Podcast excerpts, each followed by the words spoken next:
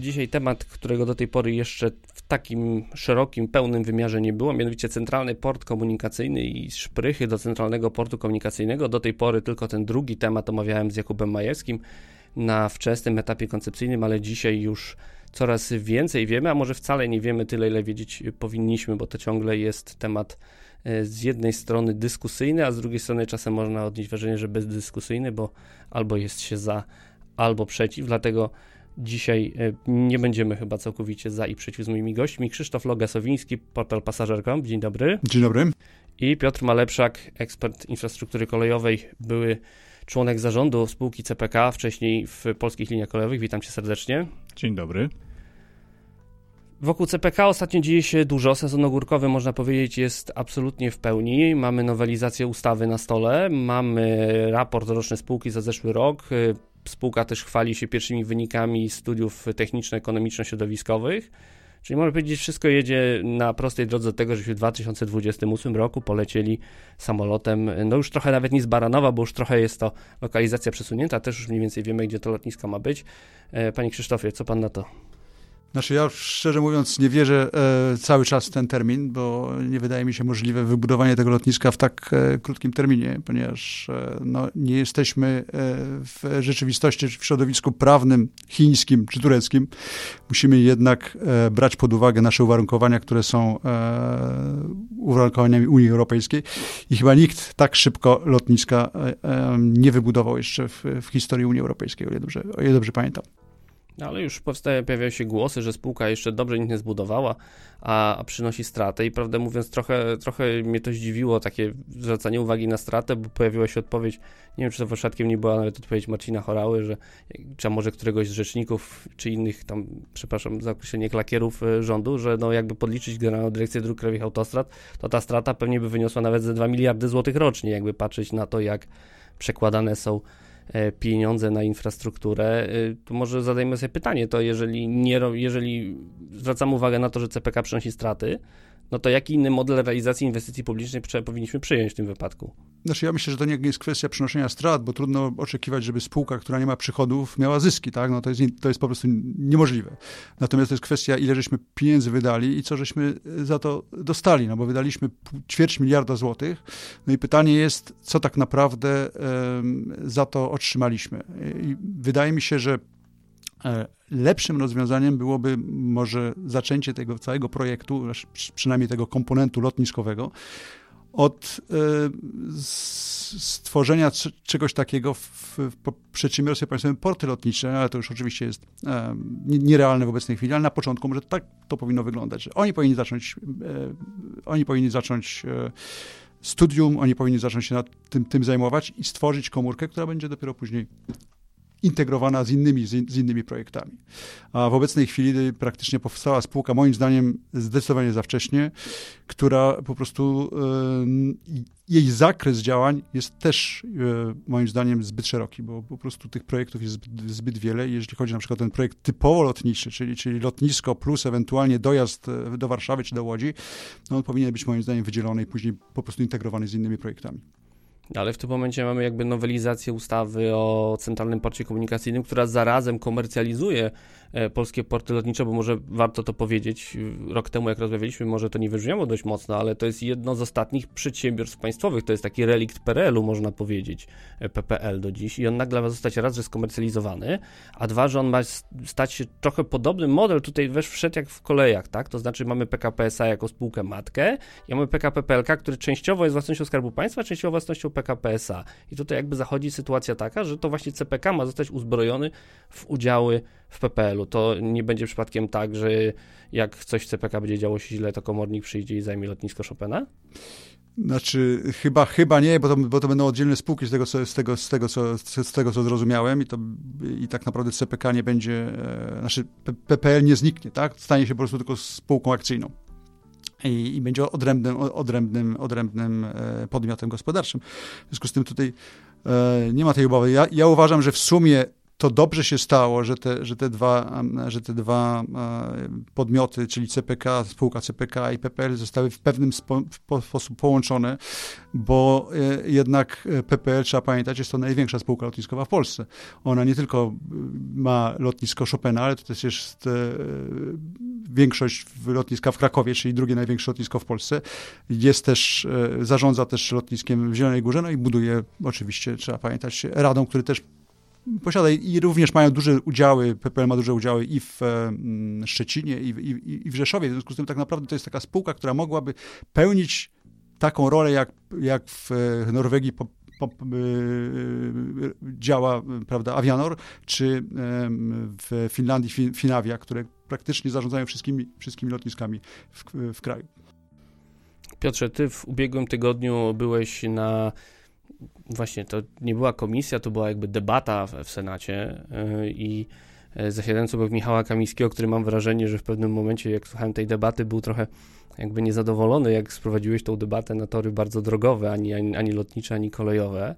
E, jakie jest Twoje wrażenie, kiedy już jesteś poza CPK, e, tym, co widzisz obecnie, jeżeli chodzi o o to, jak, jak, jak postępuje ten, y, ten, bo pan Krzysztof przed chwilą wspomniał, że no jakby dostaliśmy za ćwierć miliona, dostaliśmy niewiele. No, czy twoim zdaniem y, te studia techniczno-ekonomiczno-środowiskowe, które obecnie zostały częściowo przygotowane, bo tak trzeba o tym powiedzieć, one jeszcze nie są gotowe, to też, też jeszcze jest długa droga przed nimi, mimo tego, co, co się mówi. Czy twoim zdaniem to faktycznie jest, y, jest słaby efekt za te pieniądze wydane? Jednym zdaniem, jeśli chodzi o kwestię tej straty spółki, to właściwie już zostało powiedziane. Spółka nie jest, nie jest spółką przychodową, będzie generować straty. Ja wychodzę tutaj z założenia, że jeżeli chcemy poznać odpowiedzi na pewne pytania, to znaczy, jeśli chcemy się czegoś dowiedzieć, a etap e, przedprojektowy jest, jest właśnie temu ma służyć, to powinniśmy sobie powiedzieć, mamy określoną pulę pieniędzy, i zobaczymy, co z tych studiów wyniknie. Czyli podchodzę tutaj w pewnej takiej wersji idealistycznej, że studiowanie powinno dawać odpowiedź i powinno przysłużyć się, powinno być elementem podjęcia decyzji. Oczywiście wiemy, że w polskich warunkach z reguły studiowanie jest e, staraniem się, żeby udowodnić tezę, jaką postawił zamawiający. Ja jednak chciałbym to, ten, ten proces skierować e, w, w taką stronę, że przy inwestycji, którą dzisiaj szacujemy, to są słowa ministra Chorały, 50 miliardów euro, czyli dzisiaj to jest, przyjmijmy, około 240 miliardów złotych, warto przemyśleć, co chcemy zbudować, a ta, nawiązując do tej debaty mm, senackiej, chciałem pokazać e, nie tylko aspekt CPK jako gigantycznej inwestycji, ale w ogóle, żeby zacząć myśleć o infrastrukturze transportów w kontekście następnych 10-12 lat, bo plany mówią o CPK 240 miliardów, możemy to przyjąć, rozszerzonym programie drogowym 130 miliardów dołożone do plan dołożenia do puli, która już obecnie jest, sumujący się do kwoty około 292 miliardów małe kwoty, które na, na razie ma PLK, Kolej Plus, y, trochę KPO, to już nam daje 400 miliardów. Jeśli byśmy wzięli pod uwagę taki standardowy zakres działań i, i budżet, który miała PLK w ostatnich latach, to możemy przyjąć, że te 10-12 lat PLK chciałaby wydawać przynajmniej po 50 miliardów y, w, w każdej z perspektyw. Y, I, I stąd kwestia dobrego momentu na pewien reset. E, I tego resetu, e, jak gdyby ta dyskusja w Senacie, e, chciałem ją sprowadzać na ten, na ten tor, żeby to nie było bicie takie często na ślepo w projekt CPK, tylko spojrzenie szerzej na to, jak duże pieniądze chcemy wydawać i jak warto ten, ten, ten, tę kwestię przemyśleć, bo w mojej ocenie nie prowadzimy żadnej polityki transportowej dzisiaj w obszarze infrastruktury liniowej. To jest, y, mm, pojawił się trzeci gracz w postaci CPK, jest dwóch dużych graczy, każdy sobie coś tam robi, znaczy coś, czyli bardzo dużo, wydaje bardzo duże publiczne pieniądze y, i oni często ze sobą nawet nie rozmawiają. Generalna dyrekcja robi swoje, buduje kolejne ekspresówki na terenach ulegających na przykład silnej depopulacji, buduje przewymiarowaną infrastrukturę, takie jest moje zdanie. Odnoszę to oczywiście do do, do sytuacji, gdzie również przewymiarowaną infrastrukturę zbudowano w innych krajach. PLK jest w procesie wydawania pieniędzy, mm, procesie źle zaprojektowanym, źle prowadzonym, procesie, który ma swoje grzechy na początkowym zupełnie etapie, na etapie studiów wykonalności, gdzie często y, proponuje się już na tym etapie rozwiązania szkodliwe. Myślę szczególnie o rozwiązaniach szkodliwych dla ruchu pociągów. I, mm, i wchodzi CPK, który mówi: Chcemy wybudować do 27 roku lotnisko. Tam się czas, czasami się pojawia 28 w, w takich zapowiedziach medialnych. Ja jeszcze 27, 28, obydwa, e, obydwie te daty są kompletnie nierealne. 530 km linii kolejowych, pierwszy etap z 2000 i, i lotnisko. E, I jeśli byśmy podeszli do sytuacji, którą dzisiaj mamy, po pandemicznej, e, częściowo wojennej, załamanie rynku lotniczego, polityka Unii Europejskiej, która mówi więcej na kolej, mniej na drogi, to uważam, że jest dobry moment, żeby zatrzymać się chociaż na chwilę i podjąć jakąś, próbować podjąć jakąś rzeczową dyskusję, na co wydawać tak ogromne pieniądze. Ale czekaj, mamy mowę w tym momencie o 530 km. Spójrzmy na ten pierwszy etap. E, czy z tych 530 km uważasz, że któryś jest, jest kompletnie bez sensu? Bo ja ostatnio miałem takie e, wrażenie, ktoś w dyskusji właśnie w, tej, w tym ping-pongu PO-PiS znowu zaczął się przerzucać tym, że tutaj na cudzej krzywdzie budujecie CPK, po czym ktoś wrzucił artykuł sprzed 11 lat, jak w Brzezinach protestowano przeciwko pre, przebiegowi kolei dużych prędkości. Mija 11 lat i w Brzezinach dalej protestują ludzie przeciwko przebiegowi kolei dużych prędkości, a ja się pytam, przecież my od 11 lat już powinniśmy tą kolej tam mieć. To więc jak możemy protestować przeciwko czemuś, to to z punktu widzenia, wydaje mi się, że myślę i twojego, mojego, pana Krzysztofa, wszystkich, czyli KDP Łódź Warszawa, to jest absolutnym, absolutną postawą. To jest absolutny must have, jeżeli chodzi o uzupełnienie polskiej sieci kolejowej. Czy zgadza się ze mną, czy nie, że, że ta linia już dawno powinna być? Tak, zgadzam się, że ta linia, myślę, że gdyby temat nie został zatrzymany bodajże w 2011 roku przez ministra Nowaka, to dzisiaj bylibyśmy już na etapie budowy. I to mocno zaawansowanej budowy.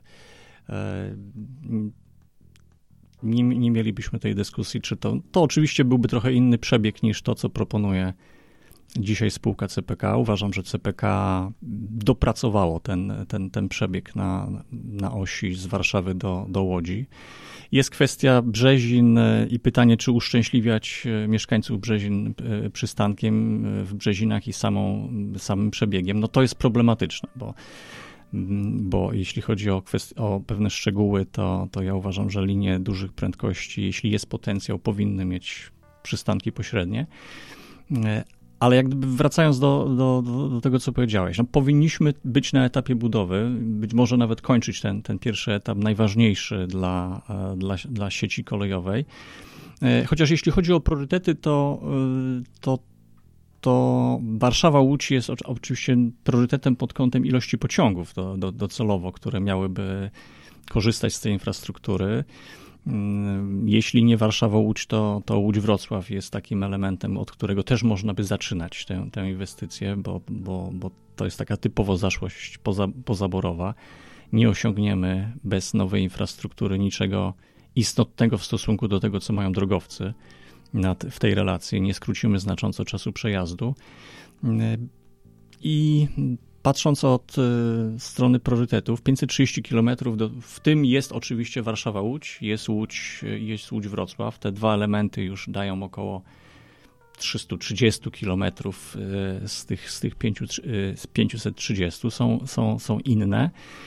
Ja cały czas podchodzę do, do projektu z myślą o tym, żeby się skupić na priorytetach. E, priorytety mm, powiedzmy, że są określone mm, i całość teraz działalności spółki w tym wymiarze kolejowym powinna e, być e, mocno zakotwiczona tam, gdzie myślę, że jest bardzo duża szansa wybudowania nowej infrastruktury, czyli myślę o Y w wersji tej, która dzisiaj przedstawia CPK i myślę o CMK Północ, bo dla mnie kolej dużych prędkości to jest w pierwszej, w pierwszym kolejności absolutnie mm, uzasadnienie podyktowane wysokimi potokami, e, separacją ruchu, jeśli chodzi o ruch towarowy i pasażerski, i zupełnie nową jakością, szczególnie w relacji do Wrocławia, której nie uzyskamy modernizując czy w jakiś sposób dostosowując istniejące linie kolejowe i generalnie w dużej mierze jeżdżąc e, okrężnymi trasami. No i tu powstaje moje kolejne pytanie, ponieważ e, zaproszony na tą samą konferencję w, w, Senacie Tomasz Wardak twierdził, że absolutnie to jest w ogóle bzdura, że będziemy jeździć liniami kolejowymi przez CPK, że to jest nadkładanie kilometrów, żeby po prostu zaliczyć lotnisko. No, coś, coś absolutnie przeciwnego do tego, czego ty w zasadzie w tym momencie powiedziałeś, co jest, jest priorytetami. No to, to, to jest pytanie, to zaraz to mamy w końcu budować te linie, e, czy nie budować? E, Tomasz Wardak wskazuje na, mm, i w mojej ocenie zasadnie, na, jed, na jeden z elementów, w którym wszystko musi przejechać przez CPK. To znaczy, patrząc na lokalizację, uważam, że mm, umiejscowienie lotniska na przecięciu dwóch kluczowych linii kolejowych w osi wschód-zachód, północ-południe jest e, no, pewnym niesamowitym darem. To jest, e, to jest lokalizacja, która świetnie się nadaje pod takie połączenie dwóch środków transportu. No, oczywiście pozornie to może wydawać się rewelacyjny pomysł. Mamy przecięcie CM-ki północ, czyli wydłużonej od Korytowa w kierunku północnym i mamy Y i w tym miejscu budujemy, budujemy lotnisko. To, o czym mówi Tomasz Wardak, bo miałem okazję z, z panem Wardakiem rozmawiać, Zresztą nie tylko, nie tylko pan Wardak, wskazuje też na to chociażby e, Marek Serafin, ekspert rynku lotniczego. E, że jakbyśmy popatrzyli na potoki pasażerów, którzy lecą, którzy jadą, lecą z, na przykład z Krakowa na Okęcie, żeby się przesiąść na lot do Singapuru, czy do Nowego Jorku, czy jakiś inny dalekodystansowy lot, to ta liczba pasażerów jest na tyle mała, e, że stawia pod znakiem zapytania e, potrzebę, żeby wszystkimi pociągami zajeżdżać do CPK. Czyli jeśli byśmy wzięli Kraków czy Katowice, w mojej ocenie e, zdecydowana większość pociągów nadal będzie wykorzystywać odcinek Korytów-Grodzisk na centralnej magistrali kolejowej i nie pojedzie do CPK, bo jeśli myślimy o CMC na 250 km na godzinę i znaczące jeszcze, jeszcze zwiększeniu ruchu na tej linii, to e, powiedzmy tak jak do tej pory mieliśmy szczytowo gdzieś około 20 par połączeń Warszawa-Kraków e, e, przez CMK, reszta przez inne linie, to, to jeśli nawet byśmy chcieli ten ruch zwiększyć dwukrotnie, powiedzmy do 50 par pociągów, no byłby to już, byłaby to już kapitalna, bardzo, bardzo bogata oferta, to tych pociągów e, i, i ta, taką ofertę z tego co wiem zakłada CPK, że, że mniej więcej tyle pociągów dobowo poje, mogłoby pojechać w relacji Warszawa-CPK Kraków i, i dalej rozjeżdżając się na dalsze odcinki, ale ta, ta relacja byłaby takim, takim podstawowym elementem. To jeśli te dane, które mamy z lotnictwa, mówią, że z Krakowa do, do Warszawy przyleciało mm, w 2019 roku około 200 tysięcy pasażerów, żeby polecieć, 200, w całym roku 200 tysięcy pasażerów, żeby polecieć dalej, no to to jest liczba, którą byśmy rozłożyli na kilka pociągów w ciągu dnia. E, i, i, i sumowali to do powiedzmy 1000-1500 pociągów rocznie, które w tej relacji mogłyby przejechać przez e, dworzec CPK, a nie wszystkie pociągi, które, które by w tej relacji kursowały. E, I tu jak gdyby stawiam taką, taką tezę, że biorąc pod uwagę, że wszystko ma jeździć przez CPK i ma być, do, do, do, dokładając do tego, że ma być tego bardzo dużo, w mojej ocenie, patrząc znowu na punkty odniesienia. E, jeśli weźmiemy pod uwagę te załączniki do dokumentacji przetargowych, które publikuje CPK, tam są wartości liczby rzędu 400, ponad 500 pociągów dobowo między Warszawą i CPK tylko po linii KDP i jeszcze kilkaset dodatkowych po istniejących liniach, które w ramach węzła miałyby zajeżdżać do CPK. No to ja zadaję pytanie, pokażcie mi rozwiązanie na świecie czy w Europie, gdzie linia kolejowa dużych prędkości przenosi tak, duży, tak, dużą ilość, tak dużą liczbę pociągów. A co za tym idzie? Pokażcie mi, jakie chcecie mieć zapełnienie tych pociągów, żeby uzasadnić tę inwestycję w, w takim komercyjnym wydaniu. Jest y, sporo wątków y, w tej, w tej, w tej kwestii, w tej analizie, które, takich wątków, które, na które nie mamy odpowiedzi dzisiaj, bo nie widzimy jeszcze tych analiz. Możemy się domyślać pewnych kwestii. Pewne informacje udaje się wyciągnąć z tego, co publikuje CPK, i ja odnosząc to do, mając punkty odniesienia, zawsze staram się powiedzieć, no ale chcecie jeździć więcej niż Japończycy, Chińczycy, Francuzi, e, czasem e, na więcej niż oni jeżdżą na swoich absolutnie kluczowych liniach. Jeśli może do pana Piotra jeszcze pytanie, e, bo tak poszło chyba w, w przestrzeń mediową, że z Warszawy do Gdańska będziemy jeździć przez CPK. Czy, czy, czy, czy, to, czy jest takie założenie, że to, czy to rzeczywiście jest taka, taka koncepcja?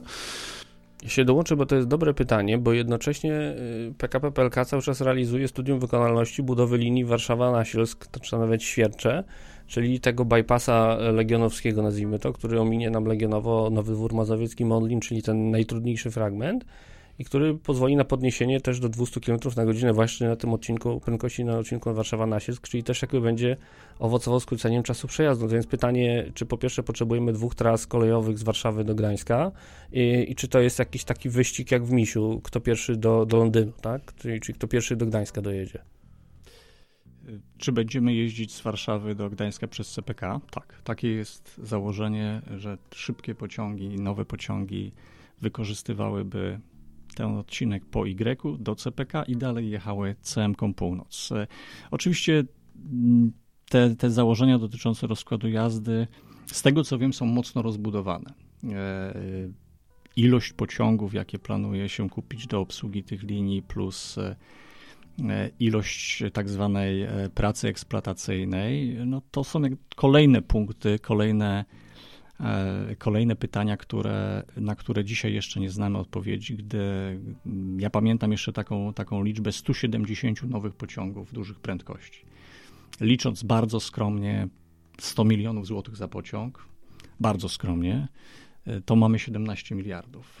170 e, pociągów to jest w takim wydaniu europejskim, chociaż my już też z naszymi pociągami Pendolino dochodzimy do takich wartości rzędu 400 tysięcy kilometrów przebiegu pociągu rocznie.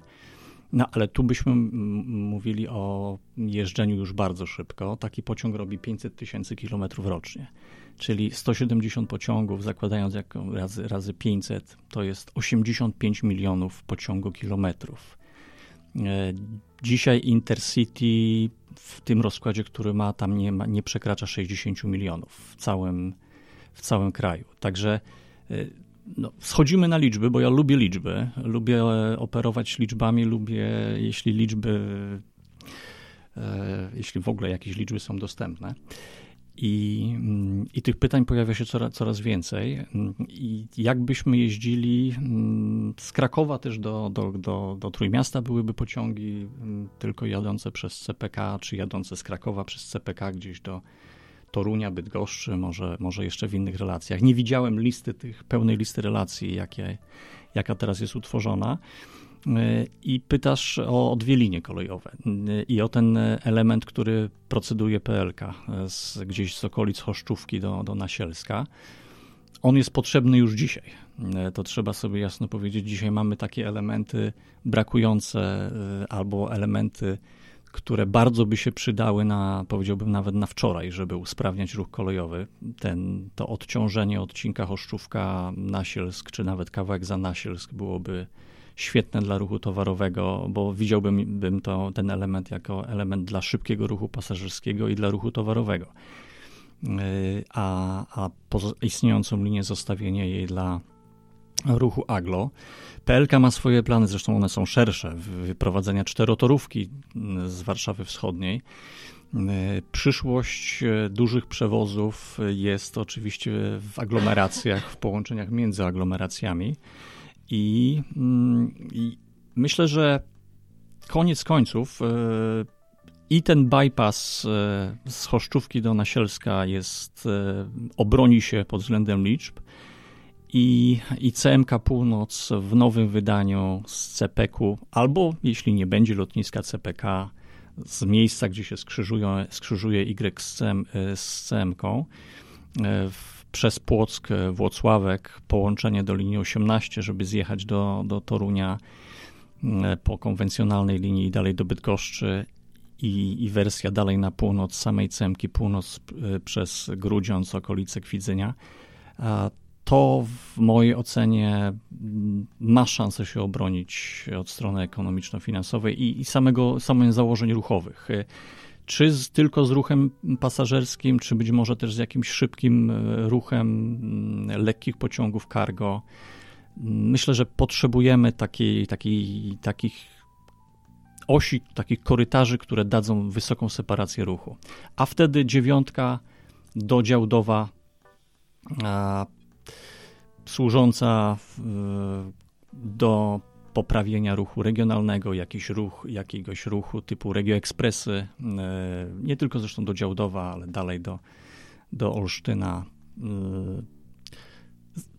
zawsze możemy to odnosić do tego, co robią drogowcy. Tam jest 4600 km ekspresówek i autostrad dzisiaj.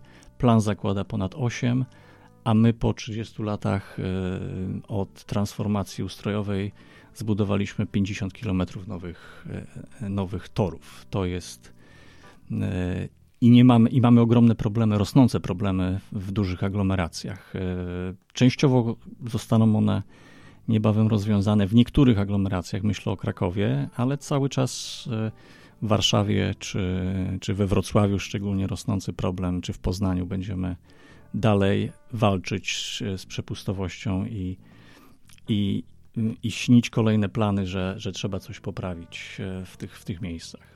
Przepraszam za moją rozciągłość, ale, ale, Teraz chwila oddechu dla ciebie, e, żebyśmy też zeszli z tematu kolejowego i wrócili trochę do tematu lotniczego. To znaczy, kolej po pandemii nie tylko w Polsce się odbiła od dna, ale nawet wręcz weszła na nowy poziom. Natomiast no, na pewno lotnictwo nie może sobie, nie może powiedzieć, że, że wróciło do, tem, do, do poziomu sprzed pandemii i tak naprawdę w dodatku mamy jeszcze teraz żelazną kurtynę na wschodniej granicy, która dość e, wyraźnie stopuje e, ten ruch lotniczy i go no, na pewno ogranicza, tak? Nie możemy powiedzieć, że nie jest to ograniczenie. Więc e, tak naprawdę pytanie, oczywiście, ile lat ta sytuacja jeszcze potrwa, bo wojna trwa już dobre 5 e, miesięcy i nie widać niestety końca tej wojny. Bardzo byśmy sobie życzyli, że było inaczej. Natomiast no, jest, jest jak jest i mimo tego, że no, chociażby właśnie też w temacie militarnym okazuje się, że to te głosy o tym, jakoby CPK miał być tu ważnym elementem tutaj wsparcia militarnego, no na razie lotnisk, lotnisk, lotnisko w Rzeszowie jest jest jakby, można powiedzieć, bramą e, do różnego rodzaju sprzętu wojskowego i innych rzeczy, o których lotni, lotnicy w Rzeszowie w ogóle nie chcą rozmawiać, to swoją drogą, ale to z, z nimi jestem umówiony, jak wojna się skończy, żeby porozmawiać o tych tajemnicach, ale E, na razie może spróbujemy sobie powiedzieć, jakie są w ogóle perspektywy na to, już abstrahując od terminu oddania lotniska, ale spróbujemy może sobie powiedzieć, jakie są perspektywy na to, że lotnictwo odbije się od dna. Na razie pomijmy kwestie klimatyczne, bo to zawsze każdy zaczyna rozmowę, ale dzisiaj, dzisiaj odłóżmy ten na, na chwilę na bok. Jakie są w ogóle kwestie e, związane z, jak wyglądają kwestie w ogóle związane z tym, że o tych prognozach, które znaliśmy rok temu, no to nie tylko nie jest lepiej, ale mam wrażenie, że te prognozy w zasadzie trzeba by zweryfikować znowu w dół, że my w tej części świata, w której aktualnie jesteśmy, no raczej nie możemy liczyć na to, że lotnictwo nam się odbije po pandemii. Znaczy, tak naprawdę sytuacja jest um, niejednolita i jest nie, nie, niejednolita pod względem geograficznym i pod względem modelu biznesowego danej linii lotniczej. E, i o ile na przykład Stany Zjednoczone już się cieszą powrotem do liczb sprzed pandemii, no to Europa jest, jest, jest e, w gorszej sytuacji. Chyba w najgorszej w obecnej chwili jest Azja, a to wynika stąd, że Azjaci cały czas chyba mają te swoje restrykcje e, covidowe. E, jeśli chodzi natomiast o model biznesowy, to ja ostatnio porównywałem, jak wygląda mm, powrót do liczb sprzed pandemii takich linii jak Lufthansa e, Group, czy e, Finnair, czy Wizz Air, Ryanair i tutaj widać Turkish Airlines również.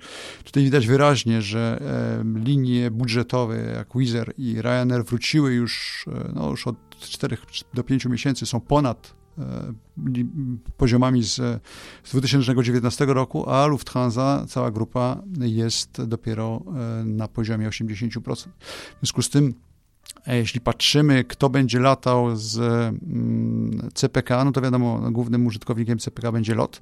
LOT jest niewątpliwie linią sieciową, w związku z tym bardziej jest to model biznesowy Lufthansa niż, niż Wizeru czy Ryanaira. W związku z tym e, no, ten powrót będzie prawdopodobnie następował e, do 2024 roku. Co prawda lot jest bardziej optymistyczny, bo mówi, że w tym roku będzie 7 milionów, w przyszłym roku już będzie 10. Ja myślę, że to będzie dopiero w 2024 e, roku.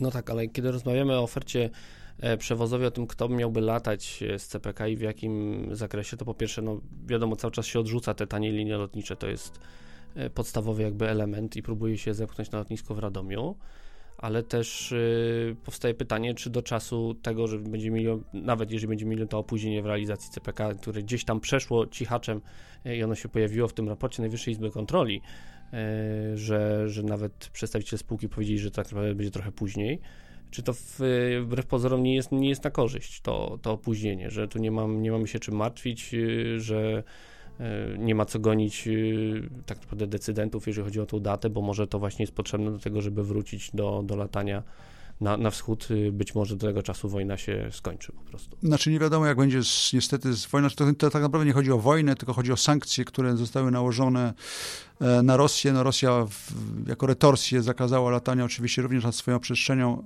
powietrzną, co powoduje, co powoduje że po prostu e, wiele linii nie jest w stanie e, latać do Azji w sposób rentowny. No, dla Fineru na przykład, który, którego główną przewagą konkurencyjną było właśnie to, że latali przez, przez Syberię do, do Azji, praktycznie e, z dnia na dzień ta e, przewaga e, zniknęła. W związku z tym, moim zdaniem, powinniśmy, powinniśmy, się, powinniśmy się spodziewać co najmniej kilku, jeżeli nie kilkunastu lat, E, sytuacji, w której nie będzie można latać nad, e, nad Syberią, co powoduje, że po prostu jest to e, dla linii, które miały kiedyś przewagę, no taką jak lot, jeśli chodzi o położenie, no można powiedzieć, że miała pewną przewagę lotów z, z Azji do, do Europy Zachodniej czy dalej, no ta praktycznie przewaga e, przestaje funkcjonować. Jest też obawa polityczna, którą bardzo dobrze e, odczuł moim zdaniem prezes Rafał Milczarski w rozmowie z e, Eurocontrol, kiedy powiedział, że on bardzo liczy na to, że jak będzie już wracać wszystko do normalności, to wszyscy będą wracać w takim samym stopniu, czyli będziemy wracać razem jako Unia Europejska, a nie tak, że Rosja będzie sobie wybierać Lufthansa lata, ale lot już nie lata, tak? bo to by było dla, e, dla lotu e, no, no bardzo, bardzo e, z, z, zła wiadomość. Także no, obawiam się, że będziemy musieli przez wiele lat latać dookoła przestrzeni fe, lotniczej Federacji Rosyjskiej. No, czy w takiej sytuacji zrobienie czegoś, o czym nawet sam kiedyś mówiłem, to znaczy, że to dobrze, to zostawmy sobie miejsce na lotnisko, zróbmy linię kolejową, najwyżej będzie pusta stacja CPK, przez którą będziemy przejeżdżać y, bez postoju, ale też y, powstaje pytanie, y, już nawet abstrahując od tego, od nadkładania kilometrów i tak dalej, to mówiłeś o tym Piotrze wcześniej, że ile jest potrzebnych pociągów, ile one będą jeździć, ile to będzie kosztować. No tak, ale znowu brakuje tego jednego elementu. Yy, dokąd, skąd, dokąd będą jeździły te pociągi, skąd, dokąd będą latać samoloty z CPK, jaka jest ta oferta, którą zobaczy finalny yy, odbiorca tego produktu, jakim jest ta cała inwestycja, mówię nie tylko o lotnisku, ale też o liniach kolejowych i o całości tego, co, co ma powstać. E, gdzie jest ta oferta, bo tak naprawdę nikt się tą ofertą specjalnie nie chwali w tym momencie. Faktycznie nie mamy y, jeszcze tych informacji, ale zakładam, że mm, być może spółka jeszcze nie jest na tym etapie w samych stesiach, żeby już te, te informacje pokazać, y, chociaż myślę, że w, szczególnie w tych najbardziej zaawansowanych E, stesiach jak Warszawa, Łódź, e, Łódź, Wrocław, te informacje powinny być już dostępne. Chyba też nikt nie pytał o stricte ofertę, ale zwróćmy uwagę, że, że spółka nawet jeśli mówi o korzyściach, e, i taka sytuacja była w, przy konferencji o wariancie inwestorskim Warszawa-Łódź, to też nawet nie pokazuje do końca tych korzyści. Nie mówi o żadnych kosztach, ale te, te, te, dla mnie te, te korzyści nie są dostatecznie u, uwypuklone. E, jak mielibyśmy jeździć, w jakich relacjach? Oczywiście to nie byłyby tylko relacje stricte po tych liniach, to byłyby, wiem, że spółka zakłada znacznie dłuższe relacje typu Białystok, e, Szklarska Poręba, czy e, z wykorzystaniem Y. Myślę, że to jest dobra, dobra kwestia, żeby, żeby dzisiaj już e, branża kolejowa, dziennikarze związani z tą branżą zaczęli pytać, jakie faktycznie uzyskamy efekty, bo czasy przejazdu się pojawiają. One są, one wielokrotnie były przedstawiane. Ja podkreślam mm, temat samego węzła CPK i tego połączenia Warszawa-CPK, bo dla mnie gdy, gdy widzę w założeniach 400-500 e, pociągów KDP dobowo e, i infrastrukturę, która ma się tworzyć pod tak ogromny ruch, e, to, to mówię o przewymiarowaniu. Mówię o sytuacji, gdzie, gdzie węzeł będzie miał elementy, które w, które w mojej ocenie będą, będą niezasadne, a jednocześnie powodujące, że opór społeczny przeciwko budowie tej, tej inwestycji rośnie. Y, no, automatycznie możemy tutaj przechodzić na, na to, czego też nie widzimy, bo, bo te, tych danych nie ma. Mm, no jeśli 400-500 pociągów nawet chcemy puścić, jakie jest wypełnienie tych pociągów? Czy to jest wypełnienie na poziomie 20% y, czy 80%? Y, bo, bo jeśli to, to byłyby liczby właśnie na takich poziomach niskich, y, to, to powstaje oczywiście pytanie, kto za to zapłaci, za funkcjonowanie takiego systemu. Y, odnosząc się jeszcze do, do generalnie do liczb, y, Intercity mówi w swojej strategii dzisiaj marketingowej, reklamowej, że w 2030 roku będzie wozić 88 milionów pasażerów. Możemy to zobaczyć w prasie, możemy to zobaczyć w pociągach na ekranach w wagonach. CPK mówi bez CPK, bez nowych linii kolejowych, jesteśmy w stanie po istniejącej infrastrukturze przewieźć około 75 milionów pasażerów, a po wybudowaniu y, CPK 95 y, milionów. Przy czym tam jest takie uzupełnienie, że 95 milionów w takim stricte ruchu dalekobieżnym i 25 milionów z wykorzystaniem nowych linii kolejowych do ruchu regioekspresów. E, no i tu mamy jak gdyby ponowne zderzenie. Dwie spółki, nieco inne wartości. E, Intercity 88 milionów, e, projekt założenia CPK 95 milionów. No i ponownie powstaje kwestia, ok, dwa, chcemy dołożyć do systemu całego kolejowego 2000 km linii kolejowych, i finalnie zmieścić, przyjmijmy, dodatkowe 45 milionów pasażerów. Od tych 75, które zakłada CPK w wariancie bez żadnych linii kolejowych, do, finalnie do, do celowo do, do, do 120. E, myślę, że to jest dosyć niska wydajność, jeśli po zbudowaniu 2000 km linii kolejowych chcielibyśmy do systemu dodać te 45 milionów pasażerów. E, te liczby są w kilku miejscach niespójne. Ja chciałbym się im bliżej przyjrzeć, ale to będzie dopiero możliwe, jeśli, e, jeśli CPK opublikuje swoje dane i zobaczymy pełne założenia, zobaczymy mm, zapełnienie tych pociągów, zobaczymy pełną ofertę, e, bo to no, jak gdyby opieram się na liczbach, które, e, które gdzieś się albo pojawiły e, w przestrzeni publicznej szczątkowo, albo można je gdzieś wydobyć e, z dokumentów, które CPK publikuje jako załączniki do przetargów, a nie mówi o nich publicznie. No tak, ale jeżeli spojrzymy na te dane, o których sobie powiedzieliśmy dzisiaj, czyli mówimy, że w jednej prognozie mamy 3 miliony pasażerów lotniczych więcej z CPK jak bez CPK, e, mówisz teraz o 400 milionach pasażerów w ruchu dalekobieżnych więcej niż mamy to, co teraz. Z, razem z regioekspresami, bo tam jest też ten element mocno podkreślony. Że, że w relacji na przykład z Grudziądza do Trójmiasta mogłyby pojechać po, po nowej linii CMK Północ Regio Express. No ale z drugiej strony jakby pytanie, czy, czy te wszystkie prognozy uwzględniają też to, że mamy trochę więcej mieszkańców w Polsce niż mamy niż było do tej pory, tak? Doskonale Wiemy o tym, że jest to jednak w jakiś sposób jeszcze liczba przybyszów, uchodźców z Ukrainy dość, dość duża. Niektórzy szacują na milion, półtora miliona, dwa miliony więcej. Nie jest to oczywiście coś, co całkowicie wywraca do góry nogami i sprawia, że mamy gęstość zaludnienia chociażby jak w Niemczech, czyli dwa razy większą. Natomiast mimo wszystko jednak y, pytanie, trochę tu wchodzę w adwokatę diabła, czy te jakby szacunki nie są niedoszacowane? Czy to nie jest trochę tak, że, że faktycznie zakładając, że mielibyśmy przyzwoitą ofertę kolejową, która prowadziłaby nas do CPK, z której mielibyśmy, zakładam, że lepszą ofertę lotniczą, E, czy to nie jest trochę tak, że te prognozy może są zachowawcze po prostu?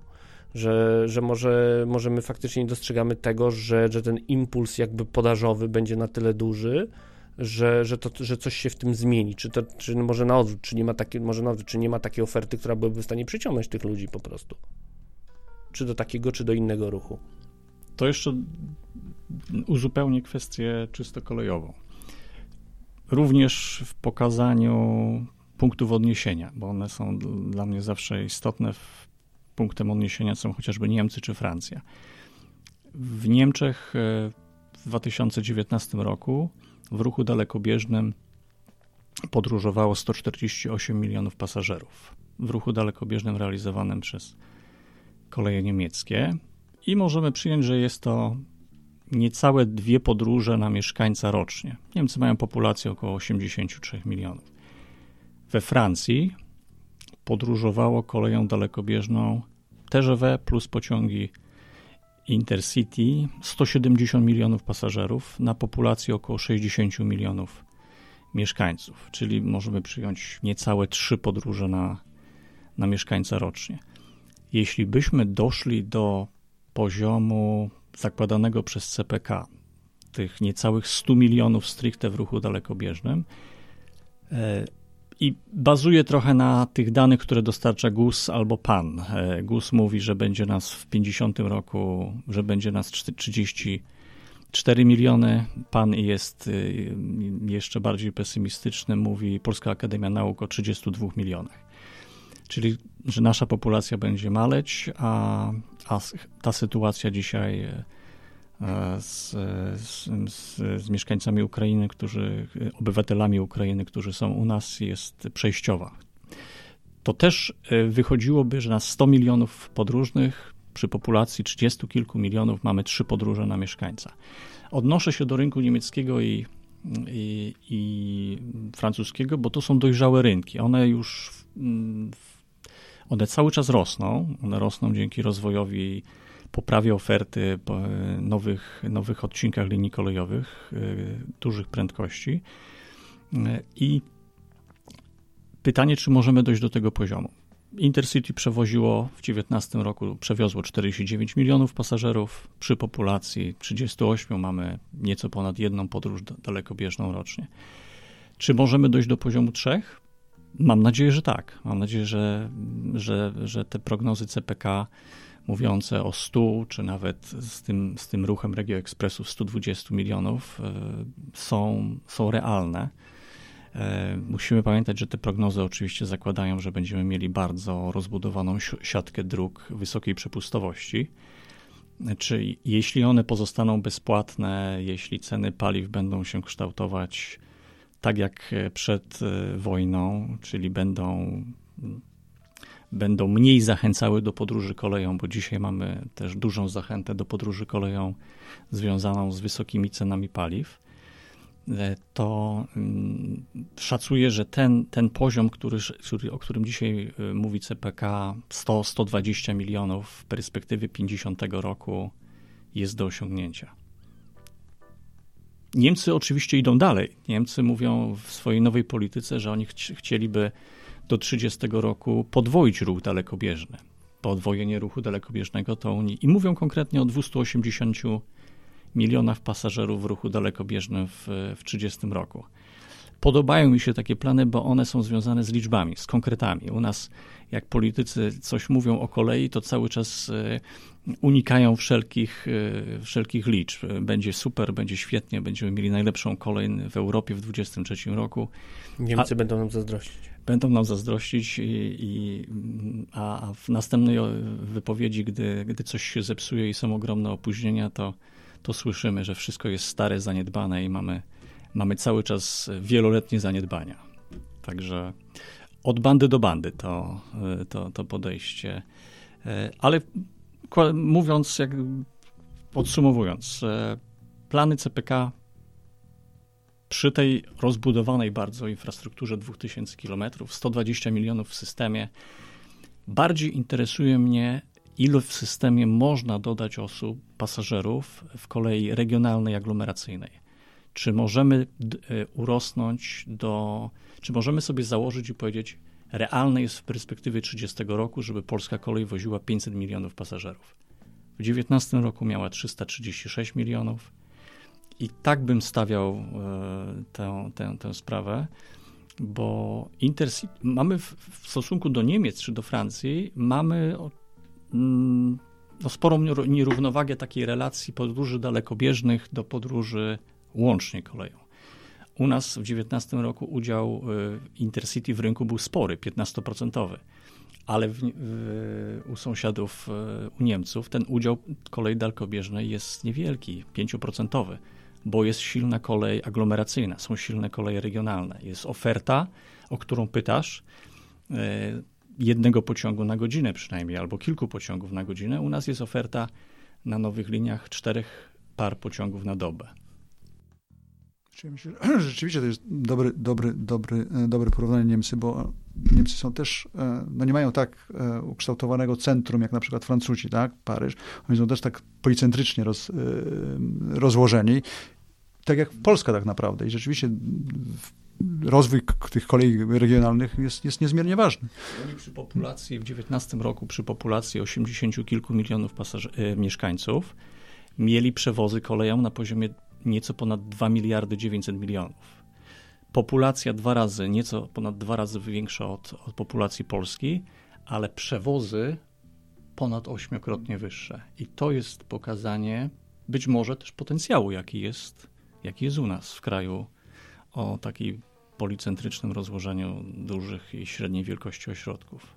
Pytanie jeszcze, jak w ten y, policentryczny układ osadniczy, ale jednak o dwa razy niższej gęstości zaludnienia, e, ma się też to, co mówiliśmy o rynku lotniczym. Czy w tym momencie jesteśmy jeszcze w stanie z tych linii sieciowych faktycznie znaleźć coś, co sprawi, że centralny port komunikacyjny będzie zapełni się pasażerami, mówiąc wprost. Czy, czy, żeby, czy faktycznie przy, przy tym, że jednak y, loty y, w Polsce w tym momencie skupiają się głównie na właśnie y, city breakach, skupiają się głównie na ten wzrost, który jest generowany w portach regionalnych, generuje LCC, no to gdzie tak naprawdę jest, y, jest ten potencjał, który można by zwiększyć? Już od systemie kolejowym Piotr powiedział wszystko, tak? Gdzie mamy granice, gdzie można jeszcze szukać e, ludzi, tak?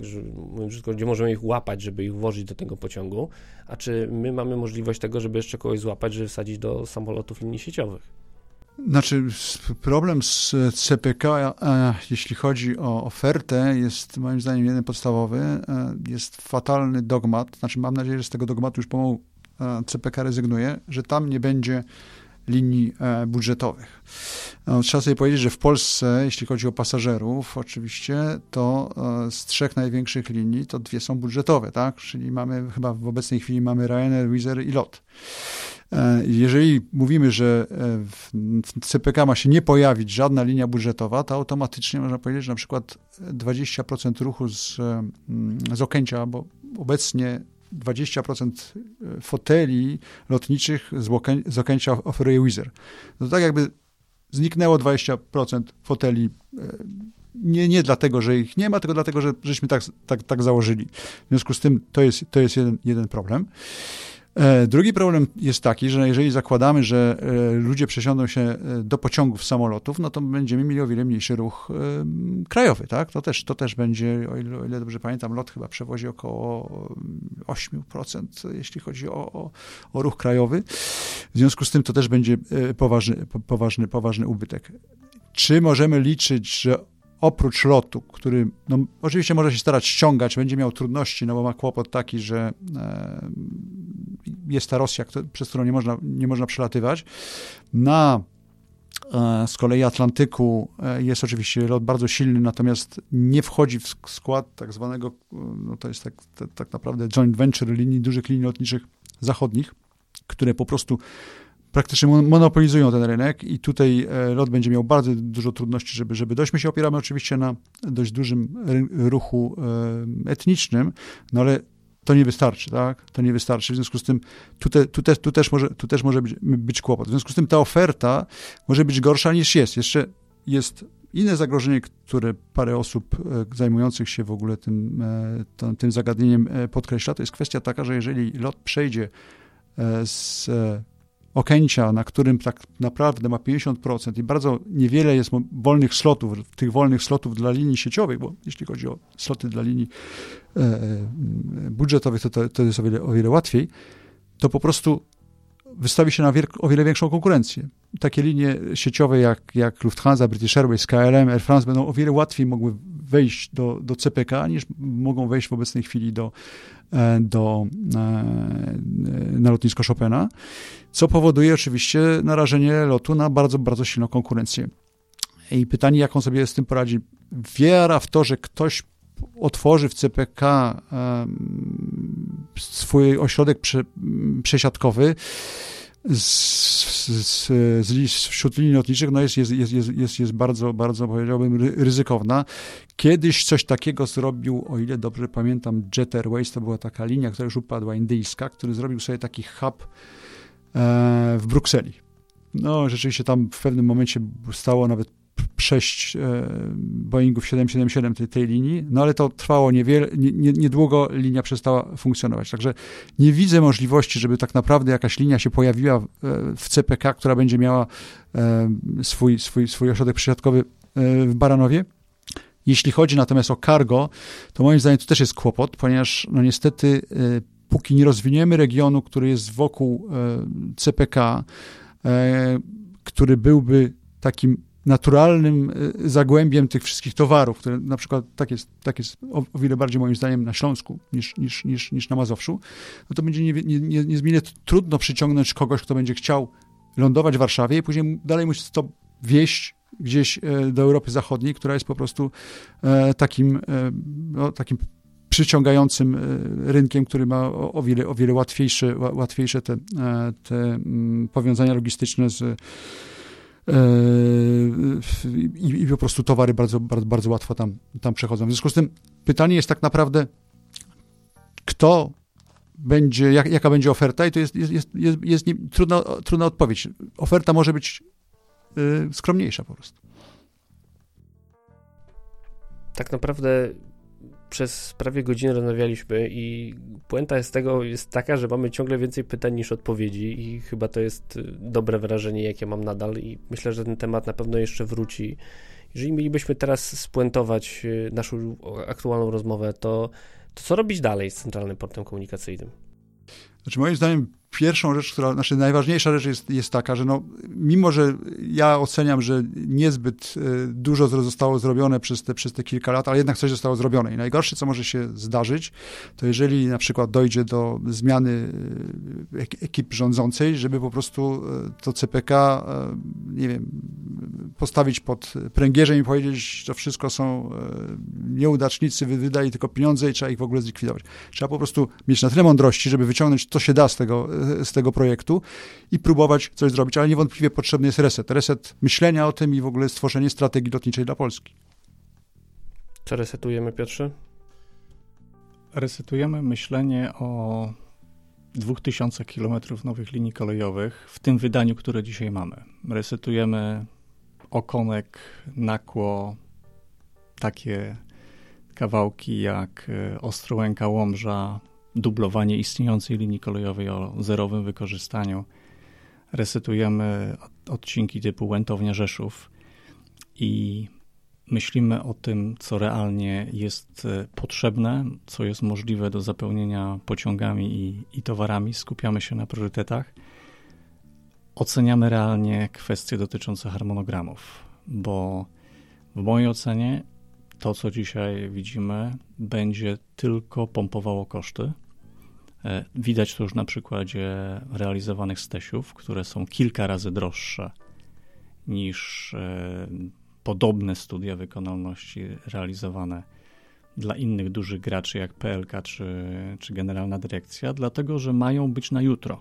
Mm, I to dla rynku jest jasny sygnał, możemy zarobić. Możemy zarobić bardzo dużo, możemy nawet zapłacić kary umowne, a i tak sporo zarobimy. Jeśli byśmy weszli z takim podejściem nierealnym do harmonogramów w fazę dokumentacji projektowych albo budowy, to nie będziemy mówić o 50 miliardach euro, o których dzisiaj mówi minister Harała, tylko będziemy mówić o znacznie większych kwotach. A te, które już się pojawiły, mm, tak mm, trochę nieśmiało w, w relacji chociażby Warszawa-Łódź, bez węzła CPK na poziomie około 20 kilku miliardów złotych, to jest ponad 100 milionów złotych za kilometr. Ponad 20 miliardów, ponad 200 milionów złotych za kilometr nowej linii kolejowej. I tu może się pojawić kolejny znak zapytania e, i pytanie być może w kręgach e, rządowych, e, czy naprawdę wiemy, co robimy, bo zawsze może być odniesienie do systemu drogowego, gdzie cały czas idą realizacje na poziomie 40-50 milionów za nowe ekspresówki.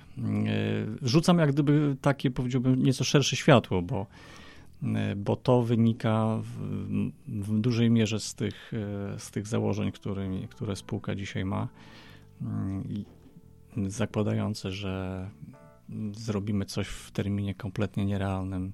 Nawet miałem okazję ostatnio powiedzieć, że nawet gdyby Chińczycy, gdybyśmy byli w Chinach, y, to, to dzisiaj już lotnisko musiałoby być w zaawansowanej fazie budowlanej, żeby je oddać do, do, dla pasażerów w 2027 roku. I to samo dotyczy linii kolejowych.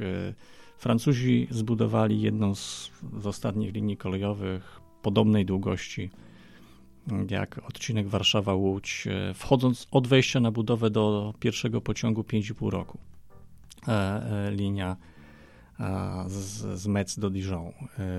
Przepraszam, nie z Metz, tylko z, z Miluzy do, do Dijon. I od wejścia na budowę, mając już wszystko, mając dokumentacje projektowe, mając komplet E, pozwoleń formalno-prawnych, mając, e, mając e, oczywiście wybranego wykonawcę czy wybranych wykonawców. Jeśli zejdziemy na ziemię, zrobimy reset, ale będę mówił o całości. Zrobimy reset dla infrastruktury transportu w Polsce, bo ten temat jest niepopularny, ale myślę, że warto go podkreślać. Budujemy drogi wysokiej przepustowości dla bardzo niewielkiego ruchu.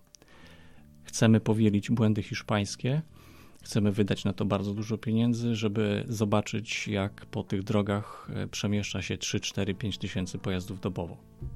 Temat być może na osobną rozmowę, e, ale mówimy o publicznych pieniądzach i o żadnych innych, stąd e, warty jest podkreślenia CPK w relacji do PLK. Wiemy, że miłości tam nie ma E, a jednak e, te dwie kwestie bardzo mocno się zazębiają, bo, bo wiele szprych to projekty wspólne, CPK-owo, PL-kowe i, i o tym też warto pamiętać, żeby, e, żeby gdzieś, gdzie chcemy zbudować jakiś jeden element, drugi nie uległ takiej degradacji, że, że czas przejazdu będzie gorszy po zakończeniu całości niż był na przykład 20 lat temu. Tego sobie życzmy, żeby to był miękki reset, a nie twardy reset, jak w przypadku kolei dużych prędkości przed 11 y, laty. Krzysztof Logasowiński, portal pasażerką. Dziękuję bardzo. I Piotr Malepszak. Dziękuję bardzo. Tradycyjnie na zakończenie chciałem bardzo serdecznie podziękować wszystkim patronom podcastu, a w szczególności tym, którzy korzystają z biletów okresowych. Są to Paweł Szczur, Tomasz Tarasiuk, Andrzej Kaszpir, Kaźmirowski, Monika Stankiewicz, Petr Jancowicz, Jerzy Mackiewicz, Jakub Kucharczuk, Michał Cichosz, Łukasz Filipczak, Filip Lachert, Jacek Szczepaniak, Jurek Gozdek, Kuba Czajkowski, Piotr Rachwalski, Grzegorz Szamankenik, Jakub Burdziński, Paulina Matysiak, MP Michał Jankowski, Jakub Kundzik, Rafał Pierzchała, Piotr Gramacki, Hubert Peliński, Piotr Krasiński, Adam Zając, Jacek Fink-Finowicki, KMZ, Jacek Piotr Cegiełka, Mariusz Herhold i Daniel Kar. Jeżeli chcecie dołączyć do grona wspierających podcast, zapraszam Was na patronite.pl przesiadkowy. Na dziś to już wszystko. Do usłyszenia.